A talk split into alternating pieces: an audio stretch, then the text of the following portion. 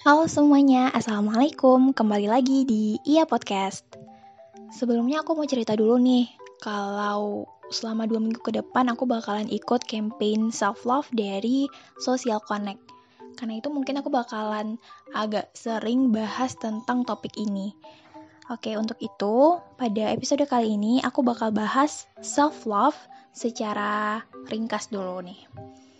Yang pertama, Hmm, mungkin beberapa di antara kalian udah tahu kalau self love itu adalah mencintai diri sendiri. Tapi nggak hanya terbatas pakai pakaian bagus, merawat diri, atau lebih mentingin diri sendiri ketimbang orang lain.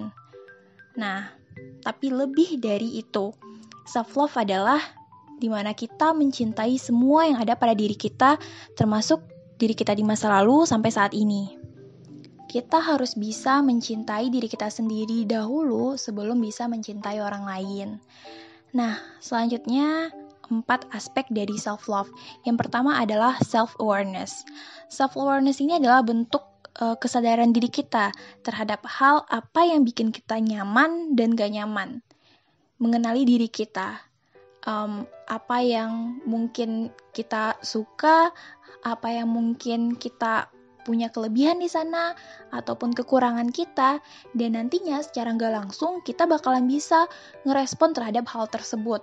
Misalnya nih kita nggak um, suka sama um, suasana yang panas gitu, karena itu kita uh, bisa merespon dengan menghindari pakai pakaian yang terlalu tebal misalnya.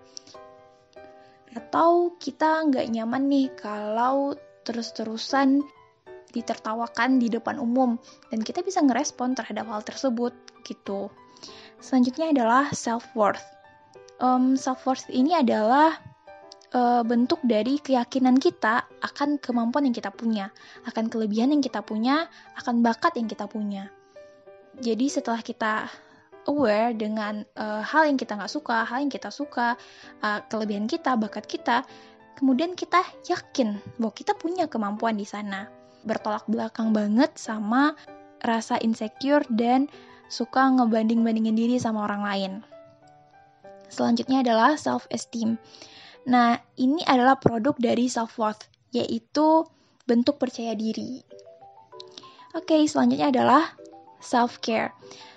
Um, self-care adalah tindakan yang kita lakuin untuk menjaga diri kita supaya tetap sehat secara mental dan fisik. Contohnya dengan uh, beristirahat ketika kita ngerasa udah capek banget nih. Jadi kita tahu ini ini udah ngelewatin batas kita dan kita butuh istirahat. So just take a break gitu. Nah, hmm, contohnya lain nih.